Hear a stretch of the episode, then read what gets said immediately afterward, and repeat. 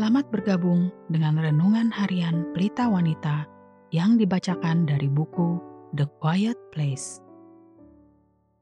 Bacaan Alkitab hari ini diambil dari 1 Samuel 15 ayat 24 sampai dengan 31. Berkatalah Saul kepada Samuel, Aku telah berdosa, sebab telah kulangkahi titah Tuhan dan perkataanmu tetapi aku takut kepada rakyat. Karena itu, aku mengabulkan permintaan mereka. Maka sekarang, ampunilah kiranya dosaku. Kembalilah bersama-sama dengan aku. Maka aku akan sujud menyembah kepada Tuhan. Tetapi jawab Samuel kepada Saul, Aku tidak akan kembali bersama-sama dengan engkau, sebab engkau telah menolak firman Tuhan. Sebab itu, Tuhan telah menolak engkau sebagai raja atas Israel. Ketika Samuel berpaling hendak pergi, maka Saul memegang punca jubah Samuel, tetapi terkoyak. Kemudian berkatalah Samuel kepadanya, Tuhan telah mengoyakkan daripadamu jabatan raja atas Israel pada hari ini dan telah memberikannya kepada orang lain yang lebih baik daripadamu. Lagi Sang Mulia dari Israel tidak berdusta, dan ia tidak tahu menyesal, sebab ia bukan manusia yang harus menyesal. Tetapi kata Saul, Aku telah berdosa, tetapi tunjukkanlah juga hormatmu kepadaku sekarang di depan para tua-tua bangsaku dan di depan orang Israel. Kembalilah bersama-sama dengan aku, maka aku akan sujud menyembah Tuhan Allahmu. Sesudah itu, kembalilah Samuel mengikuti Saul, dan Saul sujud menyembah kepada Tuhan. Ayat kunci hari ini adalah dari 1 Samuel 15 ayat 28. Dan Samuel berkata kepada Saul, Tuhan telah mengoyakkan daripadamu jabatan raja atas Israel pada hari ini dan telah memberikannya kepada orang lain yang lebih baik daripadamu. Cerita dua pendosa Hampir seribu tahun sebelum kelahiran Kristus, dua orang raja memerintah bangsa Israel.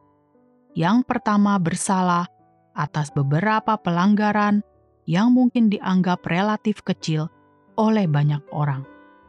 Tetapi itu mengakibatkan dia kehilangan kerajaannya, keluarganya, dan akhirnya juga hidupnya.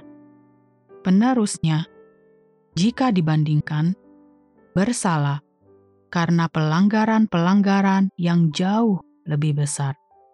Dalam satu kesempatan, misalnya, dia berzina dengan istri tetangganya dan kemudian merencanakan membunuh suaminya. Tetapi ketika cerita kehidupannya diceritakan, dia disebut seorang yang berkenan di hati Allah. 1 Samuel 13 ayat 14. Kenapa keduanya berbeda? Karena ketika orang pertama, Raja Saul dihadapkan dengan dosanya, dia bereaksi dengan pembenaran diri dan mencari-cari alasan. Dia lebih memikirkan tentang melindungi reputasi dan posisinya, tentang bagaimana terlihat baik daripada bagaimana menjadi benar di hadapan Allah. Raja Daud, di lain pihak, dengan rendah hati mengakui kegagalannya di hadapan Tuhan, mengambil tanggung jawab penuh atas kesalahannya yang menyedihkan, dan sungguh-sungguh bertobat dari dosanya. Mereka yang hancur hati tidak mencoba menutupi kesalahannya.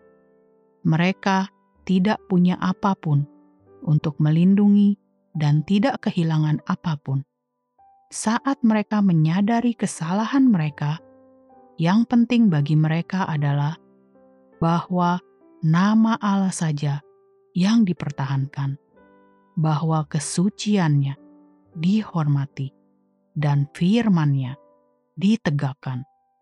Itulah mengapa hati Daud dihormati Allah, seperti Dia menghormati hati kita ketika kita datang kepadanya dengan jiwa yang penuh sesal dan hancur.